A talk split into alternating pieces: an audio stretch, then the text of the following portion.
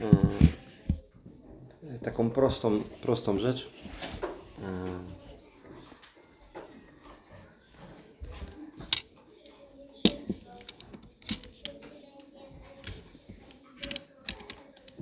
że, że mamy Boga, który jest Bogiem każdej naszej sprawy.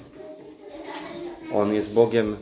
E, on jest Bogiem całego naszego życia i każdej ze spraw, bez względu na skalę.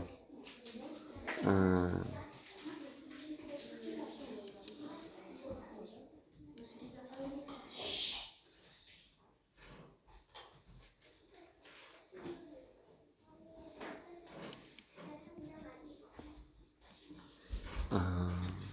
I nam się, e, mm, wydaje mi się, że w tym, w tym samym duchu e, wydarzyło dzisiaj e, uwielbienie.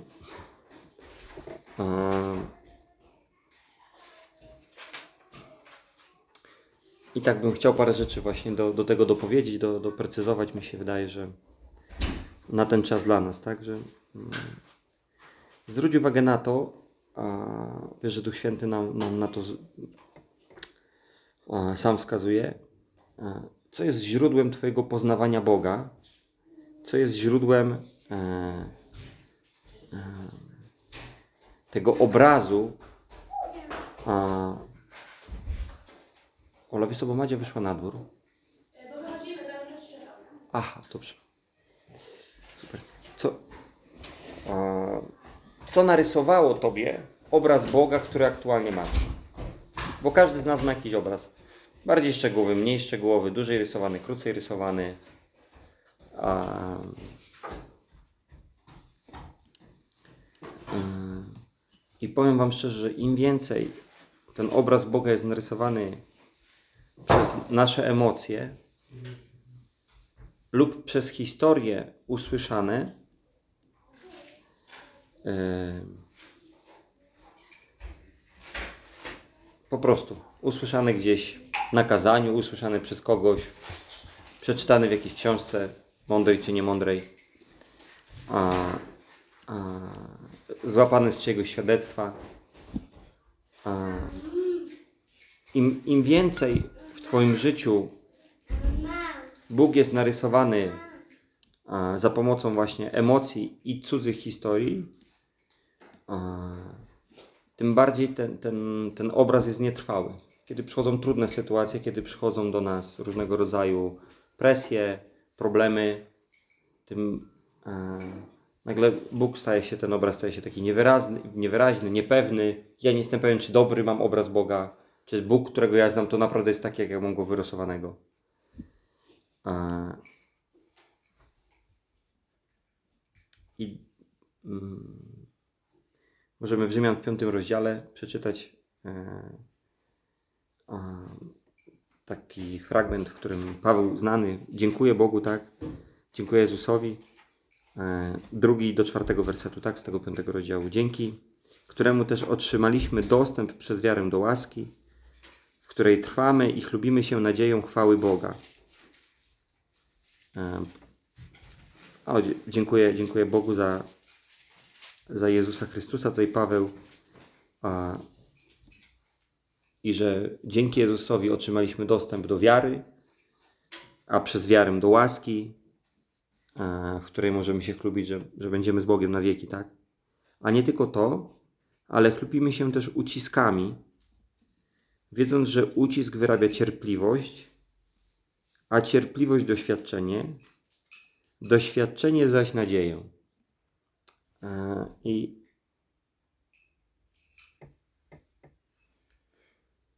jest niezwykła wartość naszych osobistych doświadczeń e, w rysowaniu obrazu Boga, jaki masz w swoim życiu. Tak jest, podobnie jest w życiu, że najlepiej to się człowiek uczy na doświadczeniach.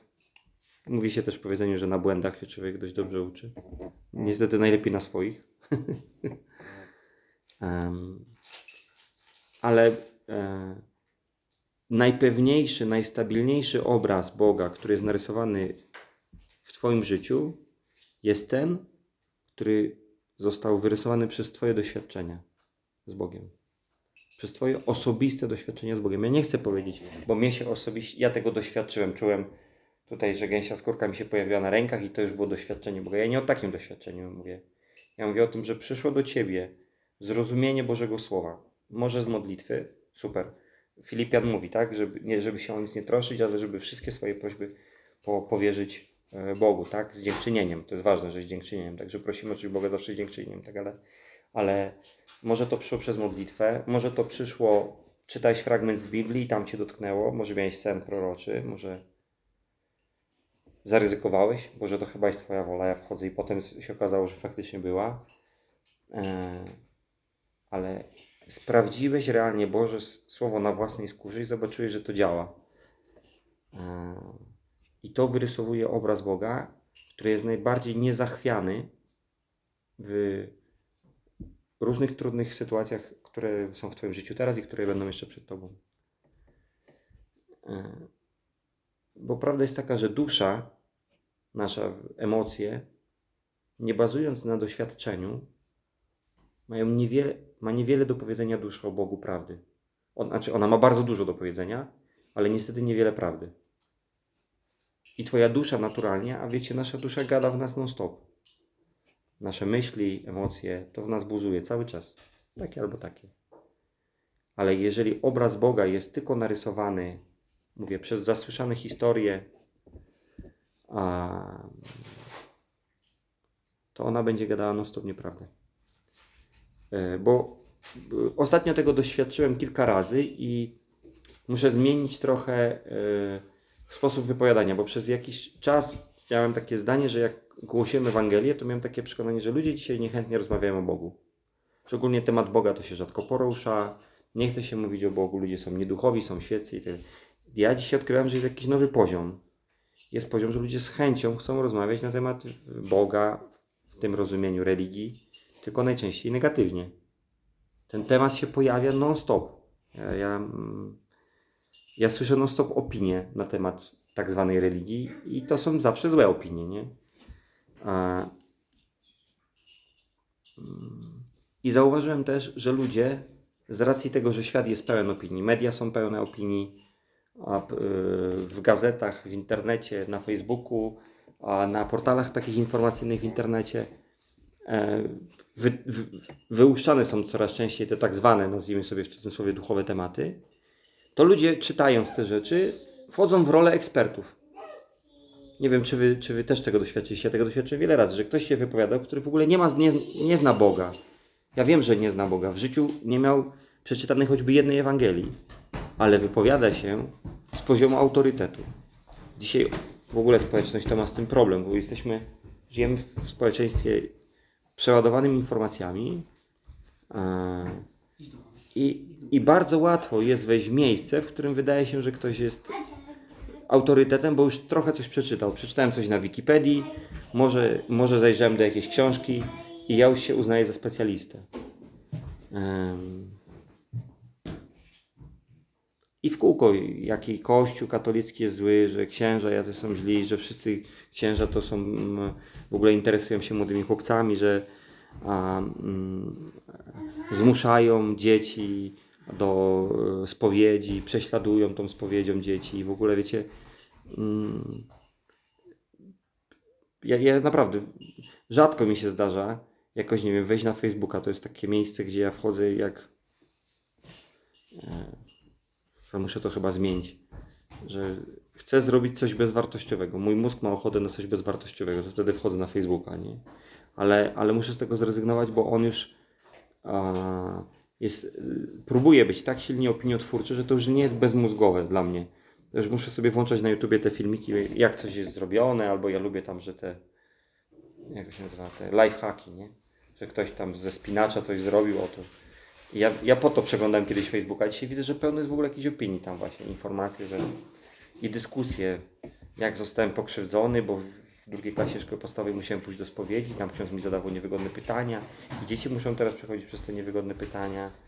I, i, i Facebook tym żyje. Ja myślę, kurka, a kto z tych ludzi, co tu się wypowiada, jest, jest choćby katolikiem i posyła dzieci? Bo, bo ci, którzy tam rozmawiali, ja widziałem w tej rozmowie, nie, nie, nawet nie widziałem praktykujących katolików w tej historii. Nie wiecie o co chodzi. Czy jadąc pociągiem e, na, na wakacje, jadąc pociągiem na wakacje, siedziałem naprzeciwko e, trzech dziewczyn e, i one same no ja, tam, ja, ja zaczynałem temat, żebyśmy o czymś pogadali, no bo tak jedziemy, mówię, może pogadamy na różne tematy i przy okazji też będę miał okazję z nim porozmawiać o Bogu. One same oczywiście zaczęły ten duchowy temat, tylko oczywiście znowu z tej negatywnej strony, nie? I to wszystko brzmi w tonie eksperckim. To są wypowiedzi, ja wiem, to powinno być tak, albo to nie powinno być tak. E, Skąd ten ton ekspercki się pojawia w tych ludziach? Dlatego, że zasłyszeli informacje z boku. Przeczytali może, nie wiem, na WP, może na Onecie, nie wiem, może ktoś tam czytał jakąś gazetę mądrą. Przeczytał brzmiący na mądry artykuł i teraz go tylko powtarza i to już jest jego opinia. On, on też już jest taki mądry, bo już przeczytał ten artykuł, więc już to wie. Nie zbadał. On przeczytał tylko czyjąś opinię, ale już jest na poziomie eksperta. Wiecie, dlaczego ja wam to rysuję? Bo chcę wam pokazać, że tak naturalnie zachowuje się dusza człowieka. Twoja dusza a ja sobie napisałem takie zdanie, że w każdym z nas jest taki światowy ekspert od Boga. W każdym z nas znajduje się światowy ekspert od Boga, cielesny specjalista do rozeznawania duchowych spraw. I w trudnych momentach, kiedy jesteś w presji, on ci z poziomu eksperta będzie się wypowiadał na temat Boga właśnie te obrazy, które zostały narysowane przeze mnie na kazaniach, przez pastora Jarka na kazaniach, może przeczytane, nie wiem, w książce, czytać, nie wiem, Grahama Cooka, czy tam Billa Johnsona, czy jakiegoś innego tam, nie wiem, Smitha i Zurfa, on, te wszystkie obrazy, nagle one się tak zamazują, zamazują, nagle powstaje super arcyekspert w Twojej duszy, specjalista od Boga, który będzie Ci rysował Boga. I ten Bóg będzie absolutnie niebiblijny. Ten Bóg jest właśnie na Ciebie obrażony, właśnie jest odwrócony plecami, jest daleko, nie jest zainteresowany Twoimi sprawami, bo jest na Ciebie pogniewany. Rozumiecie, o czym mówię? Czy, czy nadążacie za, za, za, za, za tym, co chcę Wam pokazać? Ten ekspert, głos ekspercki, który w nas się odzywa, to jest głos kłamstwa, głos nieprawdy o Bogu. Ale on brzmi wyniośle, on brzmi pewnie. Ja, ja jadąc tymi dziewczynami, naprawdę, no, dotykałem się z nimi kolanami i one w środku zdania mówią właśnie, że e, ma ten Yy, przyszłą teściową, jedna z nich, dwudziestolatka spotyka się z jakimś chłopakiem, niespecjalnie zlubiona przez mamą tego chłopaka. No i że ona a, to a, już teraz się do niej nie będzie mogła pokazać, bo ma tatuaż, zrobiła sobie właśnie tatuaż. A ostatnio mm, jaka, jakieś dziecko przy niej przyszło z tatuażem takim z gumem naklejone i ona mówi, że to będzie opętana, bo, bo, ma, bo ma tatuaż. Nie? Pewnie tam jakiś był smok narysowany, czy coś, że to jest diabelstwo jakieś.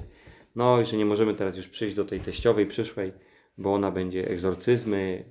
I ta druga mówi, a ja tam w te bajki w ogóle nie wierzę, to bzdury i tak dalej. Wiecie, ja nie, zacząłem tego tematu. One same wyciągnęły ten temat i sobie rozmawiają. Na takim poziomie, mm, jakby w ogóle wiedziały o czymkolwiek mówią. A, a nie wiedzą o czym mówią. Nie mają zielonego pojęcia o czym mówią. Ale ogólnie jest beka z tematu. W internecie ktoś tam obejrzał, jak się śmieją z tego księdza Natanka, że tam wyrzuca ducha karate. I, i czy jakiś inny tam się nazywa. I już, już jestem ekspertem w tej tematyce. Już jestem w tej dziedzinie, jestem mistrzem świata. Ale kiedy tylko głos prawdy zabrzmi, a zabrzmiał, bo ja, ja powiedziałem, ja tego nie zatrzymam. Mówię, przepraszam was dziewczyny, ale ja bym się z tego nie śmiał. Miałem w swoim życiu historię, gdzie przy mnie manifestowały się demony. Ludzie na czworakach przede mną uciekali opętani. Ja wiem o czym mówię. Nagle ta dziewczyna, która powiedziała, nie, nie, nie, ja tak tylko głupio powiedziałam, ja tak naprawdę to ja wierzę w te sprawy, nie? I do końca ani razu dziewczyna już nie przeklęły, a na koniec jeszcze wyznawały, że w ogóle oddają krew, że w wolontariacie służą, że się tak angażują. Nagle wiecie, wystarczyło uderzyć pięścią w stół i powiedzieć, halo, gdzieś jest prawda, co ty robisz? Ale gdyby mnie nie było tam na tym miejscu, a naprzeciwko nich siedziały trzy osoby również ze świata, to wszystko mieliby wspaniałą, pożywną dyskusję specjalistów, ekspertów odnośnie tego około duchowych tematów tak zwanych. I tak samo, nie chodzi mi o to, że, bo to fajne dziewczyny i, i, i ja je błogosławię, życzę, żeby one się zbliżyły do Boga w swoim życiu, ale pokazuje, że taka jest natura ludzka i w nas też powstaje Mówię wam, światowy ekspert od spraw Boga.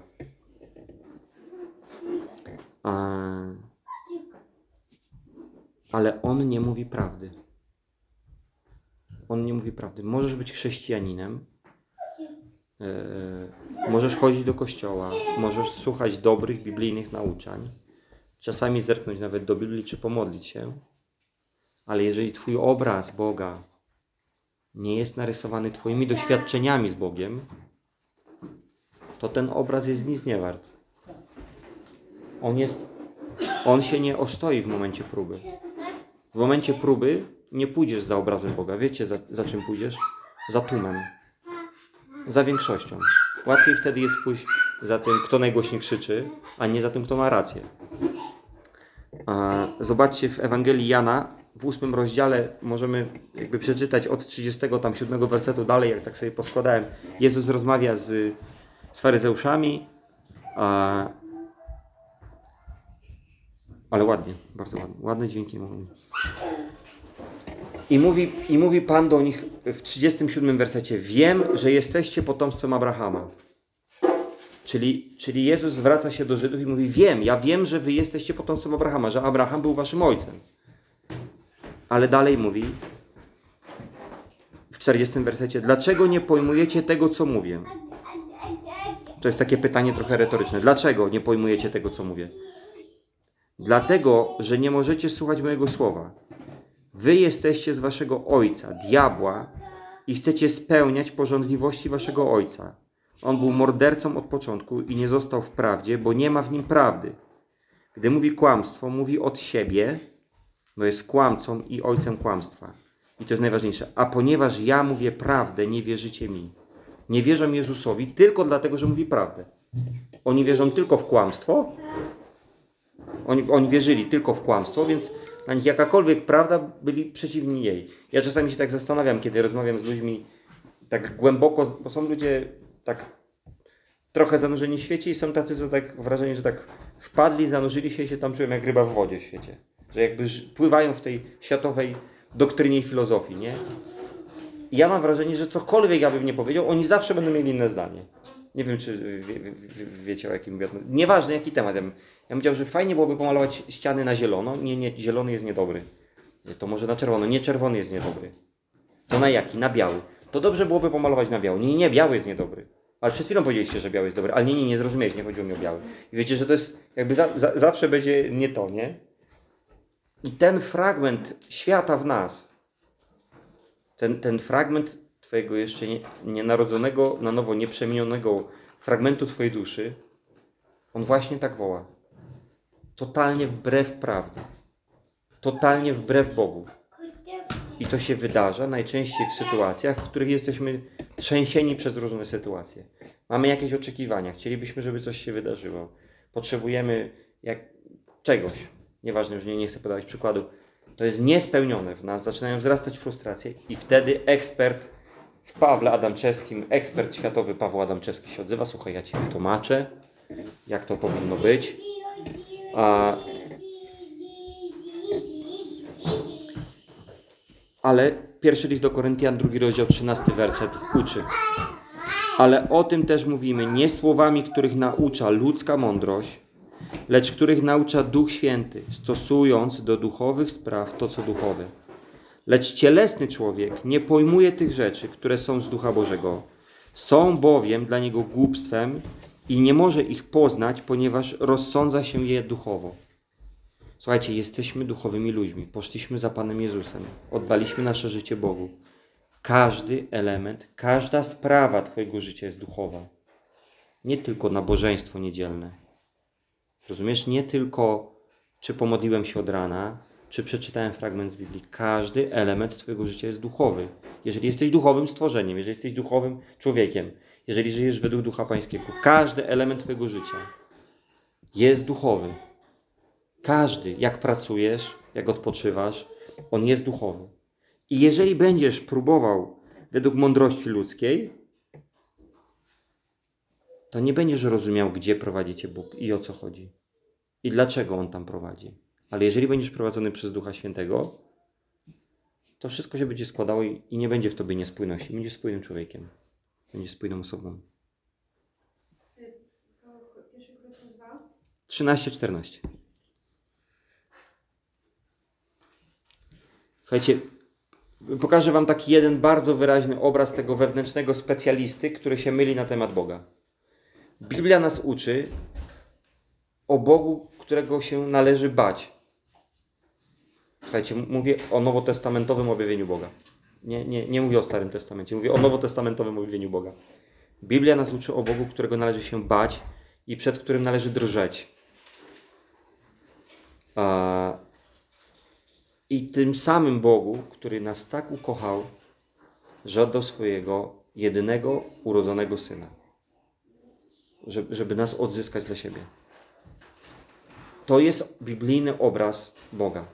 A Paweł, ekspert ze świata, rysuje mi Boga, który mówi: a, Bóg jest e, daleko, Bóg jest niezainteresowany, a e, kiedy grzeszę, albo mam ochotę w ogóle wejść w grzech, mam ochotę zaniechać tego, co Boże, bo mnie wzywa Duch Święty do modlitwy, ale ja dzisiaj nie mam ochoty, albo mam ochotę jeszcze zrobić coś innego. Albo kiedy Duch Święty mówi, Paweł, oczy są lampą dla Twojej duszy. Przestań tam się lampić, tak się mówi. Przestań się tam lampić, ale ja jeszcze tylko zerknę. A to ja w tym momencie, Bóg mi się wydaje, że On jest gdzieś dalej. Ja jestem tutaj teraz sam, Boga teraz ze mną nie ma i mogę. Ja nie drżę przed tym Bogiem. No ale jak już zgrzeszę, no to Bóg nie jest ten, który oddał swojego Syna za mnie, który mnie ukochał do końca i który mi przebaczył moje grzechy, tylko Bóg ma teraz ciche dni, jest obrażony, zły, właśnie. I co więcej, ten Bóg jest bez mocy, bo ten Bóg nie jest w stanie sobie poradzić z moimi grzechami. Rozumiecie? To, to, to woła dusza. A e, my, my się musimy strzec tego światowego eksperta w nas samych. E, Taki długi fragment z, przeczytamy z listu Judy, od, no, pierwszy rozdział, jakby się ktoś nie domyślił, czwarty werset. Wkradli się bowiem pewni ludzie, od dawna przeznaczeni na potępienie, bezbożni, którzy łaskę naszego Boga zamieniają na rozpustę i wypierają się jedynego Pana, Boga i naszego Pana Jezusa Chrystusa. Chcę więc Wam przypomnieć, chociaż już kiedyś o tym wiedzieliście, że Pan, który wybrał, wybawił lud z ziemi Egiptu, potem wytracił tych, którzy nie uwierzyli. Także aniołów, którzy nie zachowali swego pierwotnego stanu, lecz opuścili własne mieszkanie, zatrzymał w wiecznych pętach w ciemności na sąd wielkiego ognia.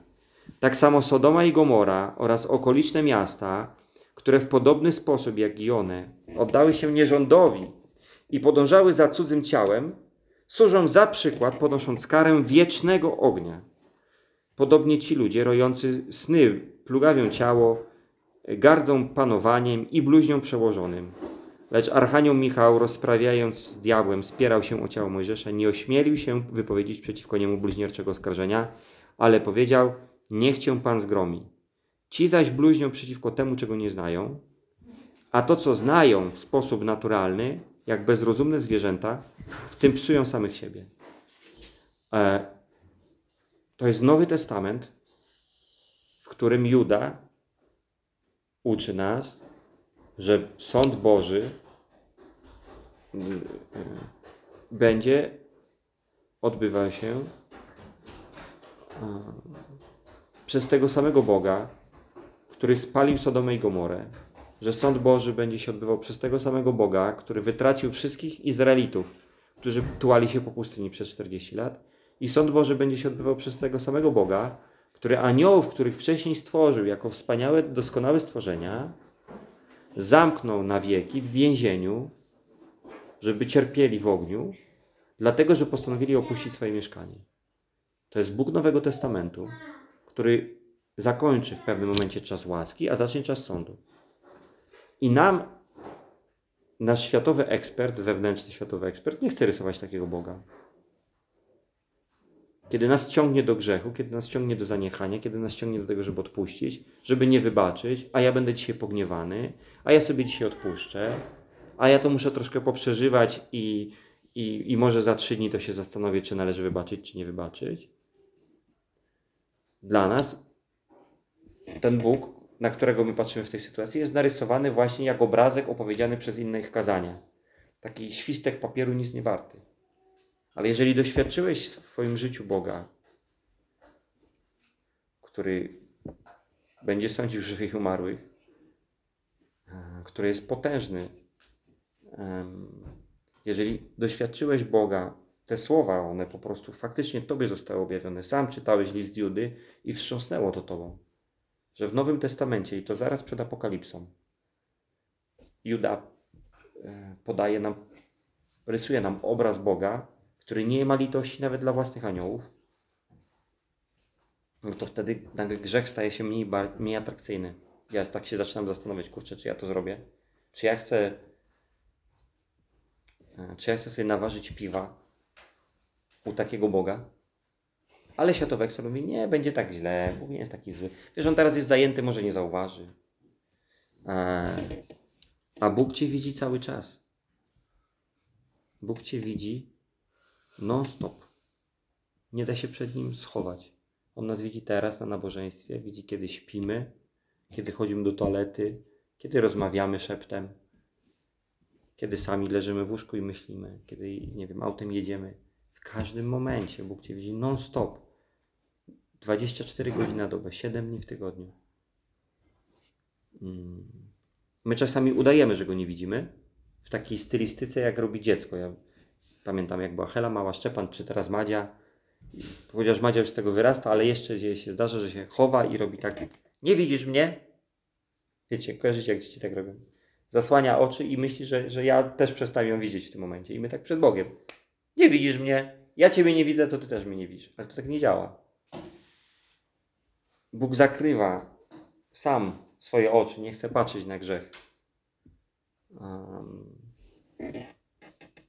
dlatego w Psalmie 139 Dawid pisze: Dokąd ujdę przed Twoim duchem, dokąd się schronię przed Twoim obliczem. Gdybym się zniósł ku niebu, Ty tam jesteś. Gdybym sobie usłał, usłał w krainie umarłych, jesteś tuż. Gdybym wziął skrzydła jutrzenki i spoczął na krańcu morza, nawet tam zaprowadzi mnie Twoja ręka i umie mnie Twoja prawica. A gdybym powiedział, przecież ukryje mnie w ciemności i nocą stanie się, i nocą stanie się światło wokół mnie, bo ciemność nie zaciemnia przed Tobą, a noc jaśnieje jak dzień. Ciemność jest dla Ciebie jak światło. Nie ma miejsca, gdzie my się przed Bogiem możemy schować. W największej ciemności, po ziemią byśmy się zakopali. Niekolwiek, gdzie by się próbował schować, wydaje Ci się, że tutaj Boga nie ma. On i tak widzi. Widzicie w każdej chwili Twojego życia, w każdym momencie Twojego życia. Em, Chcę Wam pokazać ten, ten fragment, gdzie spotyka się duchowy człowiek ze światowym ekspertem. Ścierają się dwa bardzo ważne obrazy Boga. Bóg blisko i Bóg daleko. Bóg zaangażowany i Bóg niezaangażowany. Bóg obecny dzisiaj w Twoim życiu, teraz, który chce przychodzić do Twojego życia przez różnego rodzaju doświadczenia i Bóg, który może raz na jakiś czas tam coś skapnie z nieba. To są dwa obrazy, które są sobie obce. A drżenie przed Bogiem, świadomość Jego y, potęgi, żaru, ognia, kiedy będzie sąd, to jest objawienie tego, że Bóg jest bliski. I to samo objawienie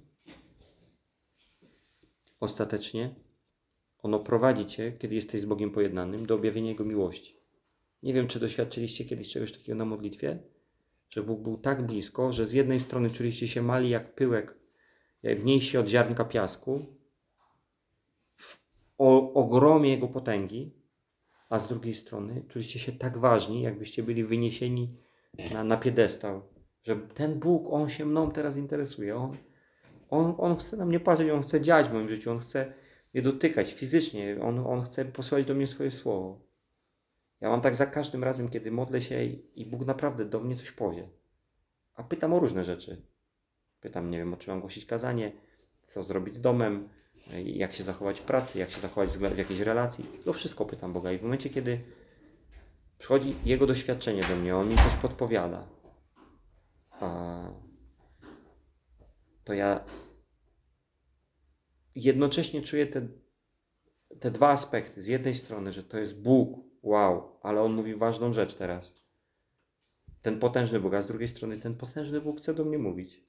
Niesamowite, że, że On mnie kocha i jest mną zainteresowany. Ym. Ja powiem Wam szczerze, że pomimo tego, że od lat służę Bogu, ja bardzo łatwo wchodzę w miejsce, e, bardzo łatwo wchodzę w miejsce, w którym ten ekspert wewnętrzny rysuje mi obraz Boga. Chociaż własnymi doświadczeniami narysowałem już kawał obrazu. I ja mam tak, że jak się nie modlę i mam się zebrać do modlitwy, to pierwszy ten ekspert we mnie mówi: O, teraz się będziesz musiał dobijać. Teraz to się będziesz musiał dojeżdżać na modlitwie. Zanim się do tego Boga dojedzie, to, to dalej niż kurczę na Kasprowy wjechać kolejką, nie? E, ma tam na, na szczycie, ma tam garstkę swoich ulubieńców, namaszczonych, oni tam chodzą pijani w duchu cały czas. Zanim tam do. Ale nie wejdziesz w ogóle tam na, do głównej sali, to nawet nie licz, Paweł, że wejdziesz. Podje, podjedziesz tylko pod drzwi, tam może coś przy drzwiach postoisz. Ale zanim tam, to uu, szykuj się, bracie, bo droga długa i będzie ciężko. Ten ekspert tak mi mówi. A potem się zaczynam modlić, nagle okazuje się, że, że mówi, Paweł, ja jestem i ja byłem cały czas z Tobą. Cały czas. Mm, To jest ten sam głos z nabożeństwa, który słyszysz. To jest ten sam głos, kiedy indywidualnie się modlisz i ten sam, kiedy akurat ma ochotę Bóg do Ciebie coś powiedzieć, jak właśnie jadę autem do pracy. Mm.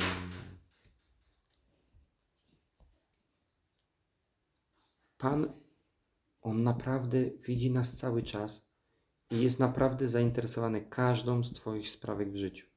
Każda Twoja sprawa w życiu jest duchowa. Wychowanie dzieci, e, Twoje obowiązki, e, porządki w domu, e, relacje z ludźmi w kościele i poza kościołem. Każda sprawa Jego interesuje. Zobaczcie, spójrzcie na przykład Zacheusza. Z Ewangelii Łukasza, to mamy w 19 rozdziale. Zacheusz był mały, widział jakieś swoje niedostatki, wlazł na to drzewo, bo chciał zobaczyć. On, on chciał tylko zobaczyć Jezusa. Nie, nie czuł się pewnie specjalnie, żeby na to zasługiwał, bo był przełożonym celników. I wiedział, że akurat pieniądze to go do, do, do Boga nie za bardzo doprowadzą. A... Pobiegł, pobiegł więc naprzód i wszedł na drzewo sykomory, aby go zobaczyć, bo miał tamtędy przechodzić. A gdy Jezus przyszedł na to miejsce, spojrzał w górę, zobaczył go i powiedział: Zacheuszu, zejdź szybko, bo muszę dziś zatrzymać się w Twoim domu. Rozumiecie? I tak jest. Mamy, mamy takie nastawienie, że wypatrujemy tego Boga gdzieś tam daleko. Boże, niech Twoja obecność przyjdzie, objawię się, niech Twoja chwała na mnie spocznie. A, a Jezus jest obok mówi, ale jestem tu. Jestem blisko Ciebie, jestem, jestem zaraz obok Ciebie, w tym momencie. Ale ja jeszcze nie mam takiego poziomu duchowego, a jeszcze tak nie, nie, jeszcze nie rozeznaję, tak jak, jak mężowie Boży. E, Ale przez tą historię z Zacheuszem Pan mnie uczy, jestem tu blisko, Paweł, nie musisz mieć nie wiadomo jakiego objawienia. Ostatnio jechałem samochodem i dzieciaki o, powiedziały mi taką miłą rzecz, o, że ja wiele, ja się chyba już chyba wszystkim w życiu zajmowałem. A, no i ja postanowiłem, że zacznę im przypominać jakieś różne rzeczy, które jeszcze robiłem w, ży- w życiu, co one nie, co dzieciaki moje nie wiedzą. I przypomniałem sobie taki okres w moim życiu, to trwało trochę ponad rok czasu, niedługo po nawróceniu, jak pracowałem z takim człowiekiem, który był taki jedną nogą wierzący. A, I powiem Wam szczerze, że ten okres, jak, tylko jak zacząłem to opowiadać, to mi się przypomniało, ile mnie to kosztowało emocji. Ja myślałem, że to jest najtrudniejsza rzecz na świecie i że niewiele ludzi w ogóle w Polsce, a może nawet na świecie, to przechodzi przez taki trud jak ja wtedy. Że muszę pracować w miejscu, gdzie szef był w stosunku do mnie manipulacyjny i podawał się za wierzącego. I mnie się to wydawało, że to jest problem.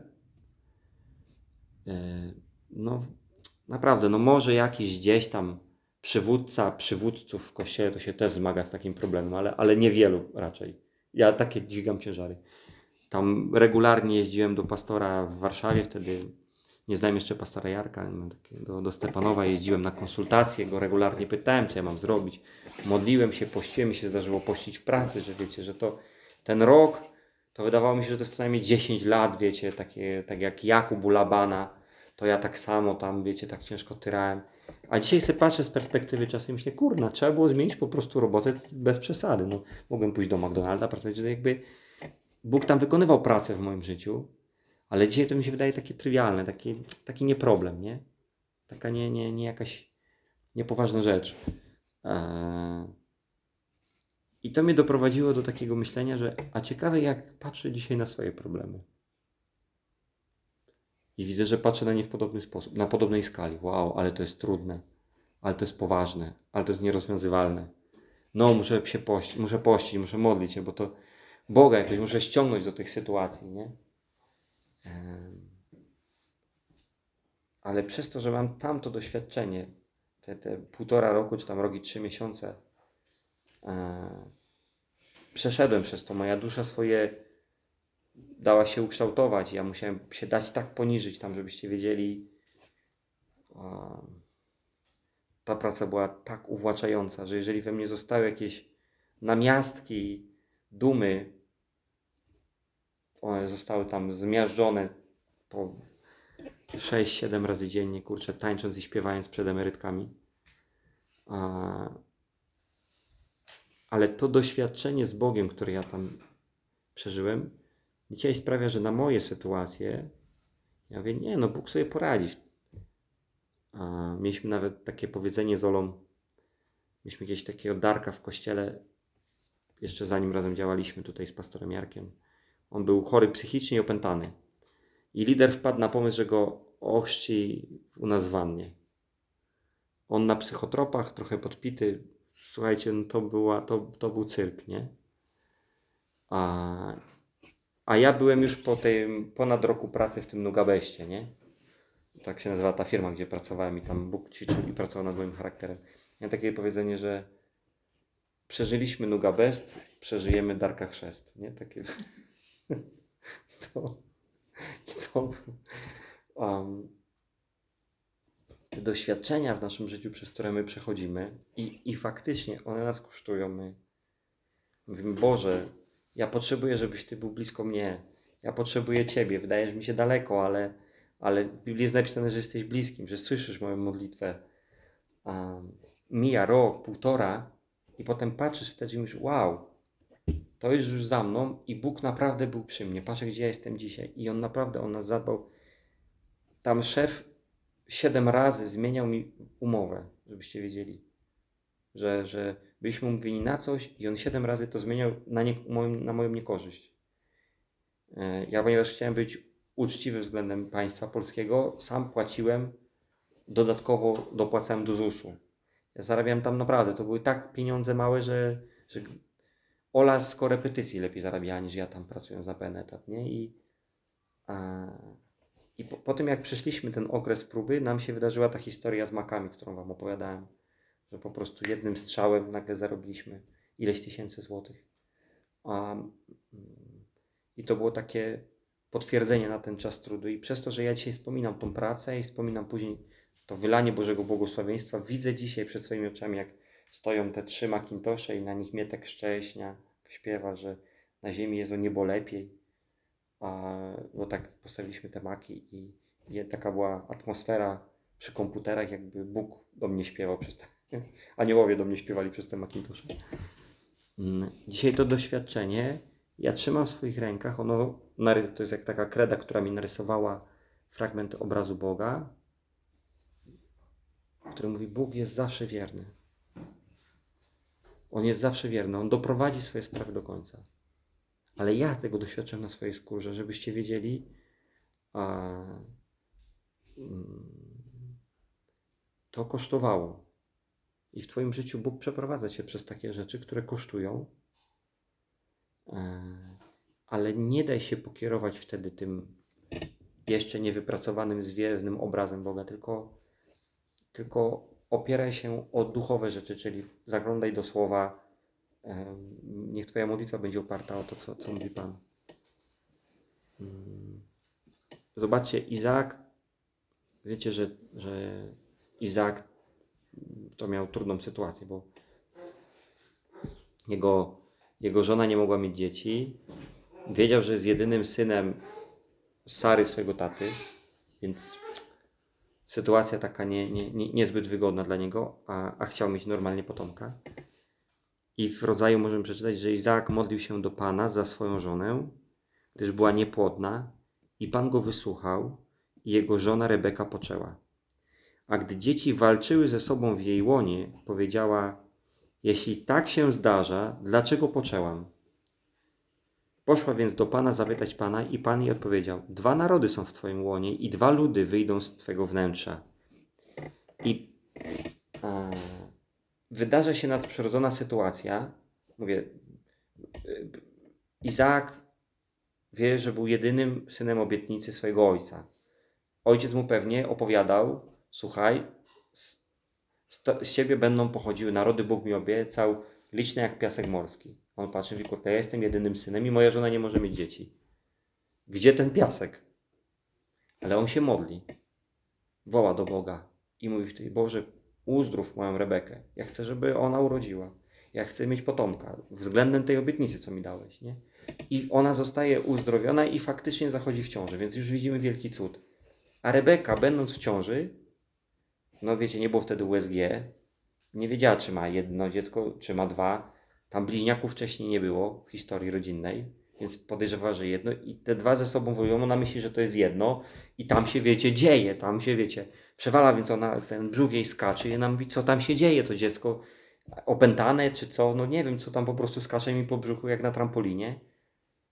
I pomimo tego, że ma historię swojego teścia odnośnie Izaaka i ma świadectwo swojego życia, że była niepłodna, a jest w ciąży, to ona i tak przychodzi do Boga i mówi, po co poczęłam? Można przeczytać ten fragment i pomyśleć sobie, ale obietnicę jej Pan dał, dwa narody wyjdą z Twojego ona, ale to jest, wiecie, to jest kobitka, która jest w ciąży po prostu, emocje, Ola pewnie dobrze to rozumie, hormony buzują i tak dalej i martwi się, co będzie z tym dzieckiem, tam jest, tam, tam jest w brzuszku moje dziecko i ono wariuje i, i, i wiecie, jest taka niepewna, nie wie, co się będzie działo, ale ona przychodzi do Boga i mówi, Panie, po co poczęłam? Dlaczego tak jest? I Bóg jej mówi, o ty głupia, ja ci dam, dałem ci dwóch synów, a ty jeszcze tu marudzisz, nie? I ciach jej z liścia. Nie, no.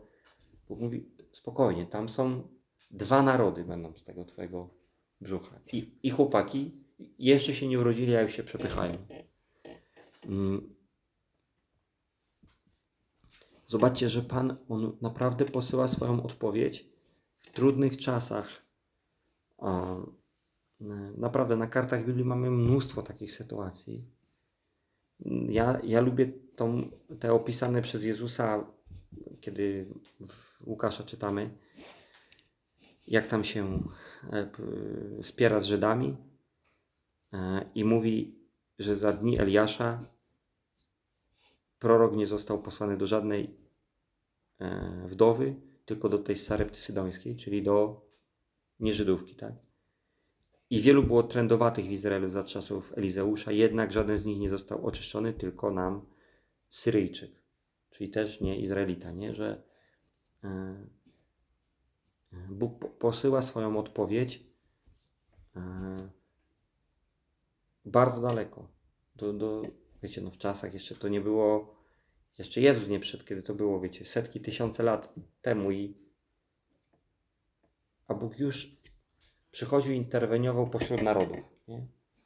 E, I my mamy takie momenty w naszym życiu, że czy Bóg zainterweniuje, czy Bóg zadziała, nie? czy co będzie z, moim życiem, czy w tej sytuacji da radę. No Paweł opowiadał mi świadectwo, ja słyszałem i ja słyszałam tam, czytałam w książce i tak dalej, ale e, zachowaj spokój, przypomnij sobie właśnie, może być ten fragment czwartego rozdziału Łukasza, Boże, Ty wysłałeś swoją odpowiedź do wdowy w Sarepcie. Ty wysłałeś do tego Syryjczyka odpowiedź. Nie jest za krótka Twoja ręka, żeby sięgnąć do, do Łodzi, żeby sięgnąć do Polski, nie? żeby sięgnąć do mojego życia. Boże, ja cierpliwie będę czekać na Twoją interwencję na Twoją odpowiedź, bo wiem, że Ty ją tam masz. I ja czekam z radością nawet, mogę powiedzieć, na to doświadczenie, bo wiem, że na końcu tego ja dostanę specjalny pisak od Ciebie. Tam będzie napisane mazak doświadczenia i tym mazakiem coś dorysujesz z obrazu Boga. I ten obraz będzie niezachwiany. Ja, wiecie, dużo dużo mam przykładów, które mógłbym Wam pokazać i z własnego życia, i z Bożego Słowa. Ale z tego, co widzę i na, własnych, i na własnej skórze, i w Biblii, to, że przez te sytuacje trudne, przez które my przechodzimy, Bóg, im więcej czasu musimy czekać, aż uzyskamy odpowiedź, tym ta odpowiedź daleko bardziej przekracza to, co my oczekiwaliśmy. Daleko bardziej. Było tak w historii Ezechiasza i Izajasza, tak? Ezechiasz śmiertelnie zachorował.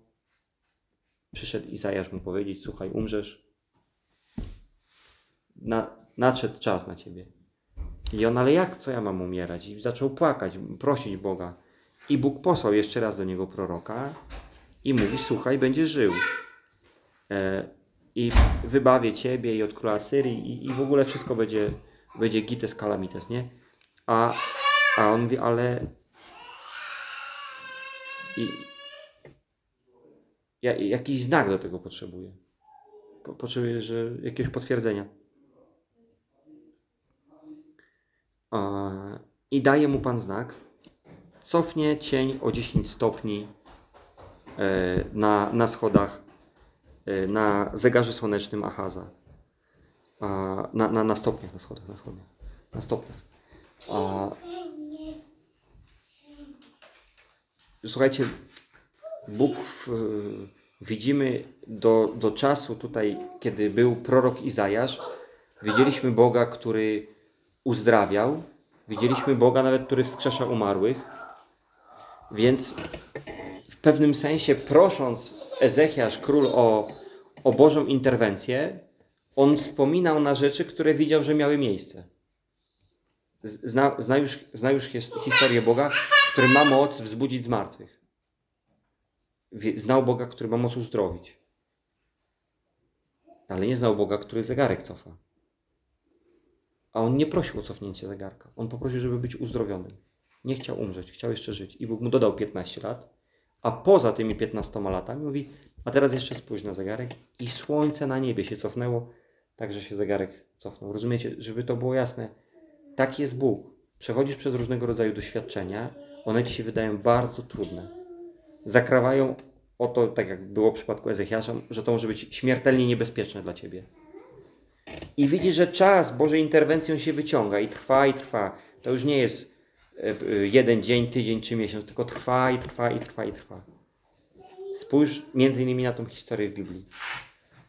Bóg wyciąga ten czas po to, żeby na końcu okazać swoją chwałę.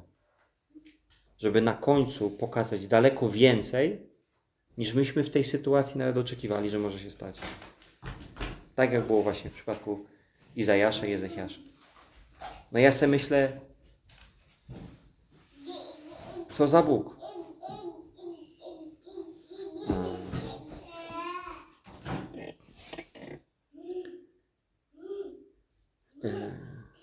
W psalmie 127 jest napisane, e, to jest takie zniechęcające dla modlitewników. Daremnie wcześnie rano wstajecie i późno się kładziecie. A spożywając chleb w troskach, wszak i on we śnie obdarza umiłowanego swego. Że Bóg błogosławi nawet we śnie. To i tak warto się modlić od rana i wieczorem, tak? Ale, ale ten werset zniechęca, bo mm,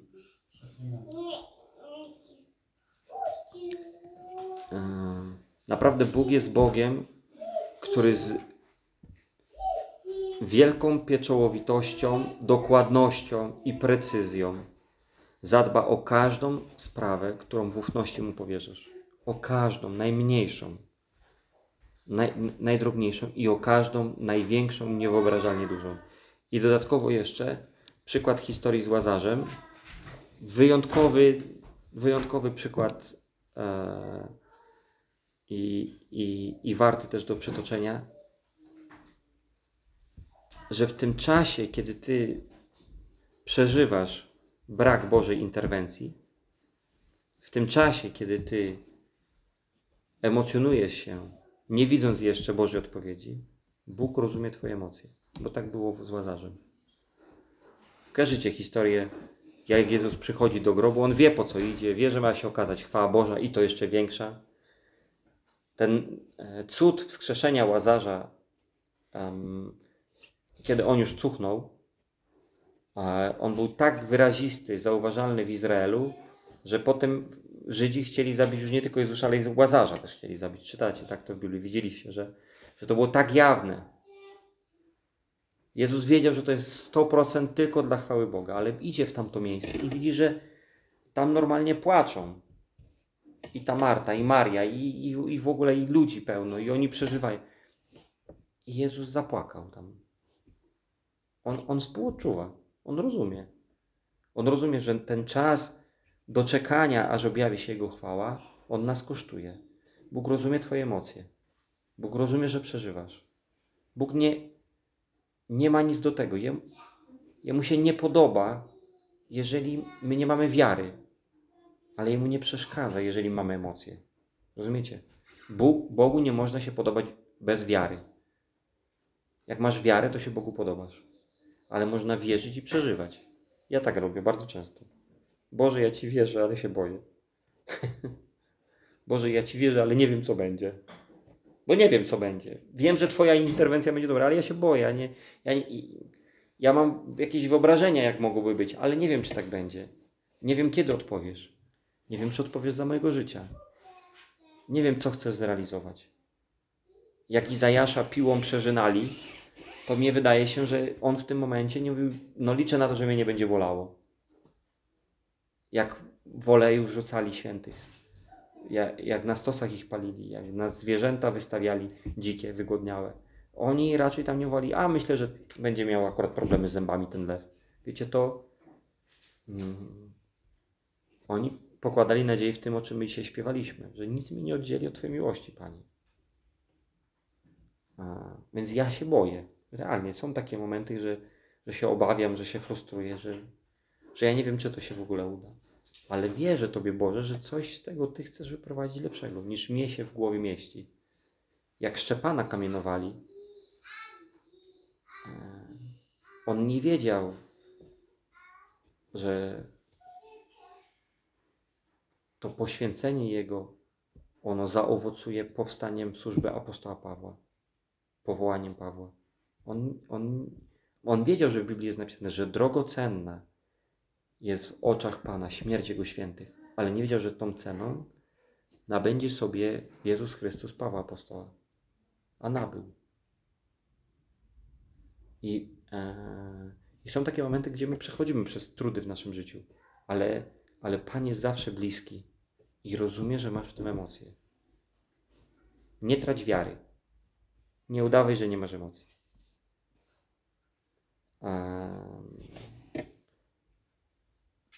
Nie ma dla Boga za małych spraw i nie ma dla Boga zbyt poważnych.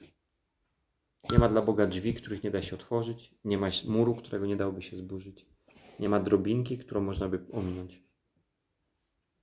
Każda sprawa jest Bogu bliska, bo bliscy jesteśmy my, którzy za nim idziemy. E, dlatego pomóc się dzisiaj e, e, w domu, jak będzie się modlić, że Boże, pomóż mi być duchowym dla całego mojego życia. Pomóż mi być świadomym, że Ty jesteś blisko w każdym momencie, czy w każdym moim niedostatku i w każdym moim powodzeniu, w każdym moim potknięciu i w każdym moim staniu światłości. Em, Bo Ty jesteś, Boże, Bogiem każdej sprawy. I ja proszę Ciebie, Duchu Święty, w szczególności o to, abyś Ty pomógł każdemu mojemu bratu i każdemu, każdej mojej siostrze nabierać tego doświadczenia w życiu z Tobą. Ja proszę Cię, Duchu Święty, żebyśmy byli doświadczonymi chrześcijanami, doświadczonymi przez Ciebie, aby obraz Boga, który mamy narysowany, nie był cudzymi y, kredkami, żeby nie był cudzymi słowami, a na pewno nie był przez tego wewnętrznego, światowego człowieka, który nam coś podpowiada we wnętrzu, ale aby był przez Ciebie ustanowiony. Ja dziękuję Ci, Boże, że Ty jesteś Bogiem żywym i z tą samą mocą, którą wskrzeszyłeś Łazarza i wywołałeś go z grobu, tak Ty masz moc wyciągnąć nas z każdego naszego trudu. I nie pozostawisz żadnego z nas w trudzie. Wszystko, co dzisiaj ciężkie, Jezu, Ty zabierzesz od nas. Przyjdzie ten dzień. To jest pewne, bo Ty dałeś tą obietnicę. Że otrzesz każdą łzę, że pocieszysz każdego przygnębionego. Że dasz wypocząć każdemu zmęczonemu. Dziękuję Ci za to, Panie. Dla Ciebie nie będzie chwała.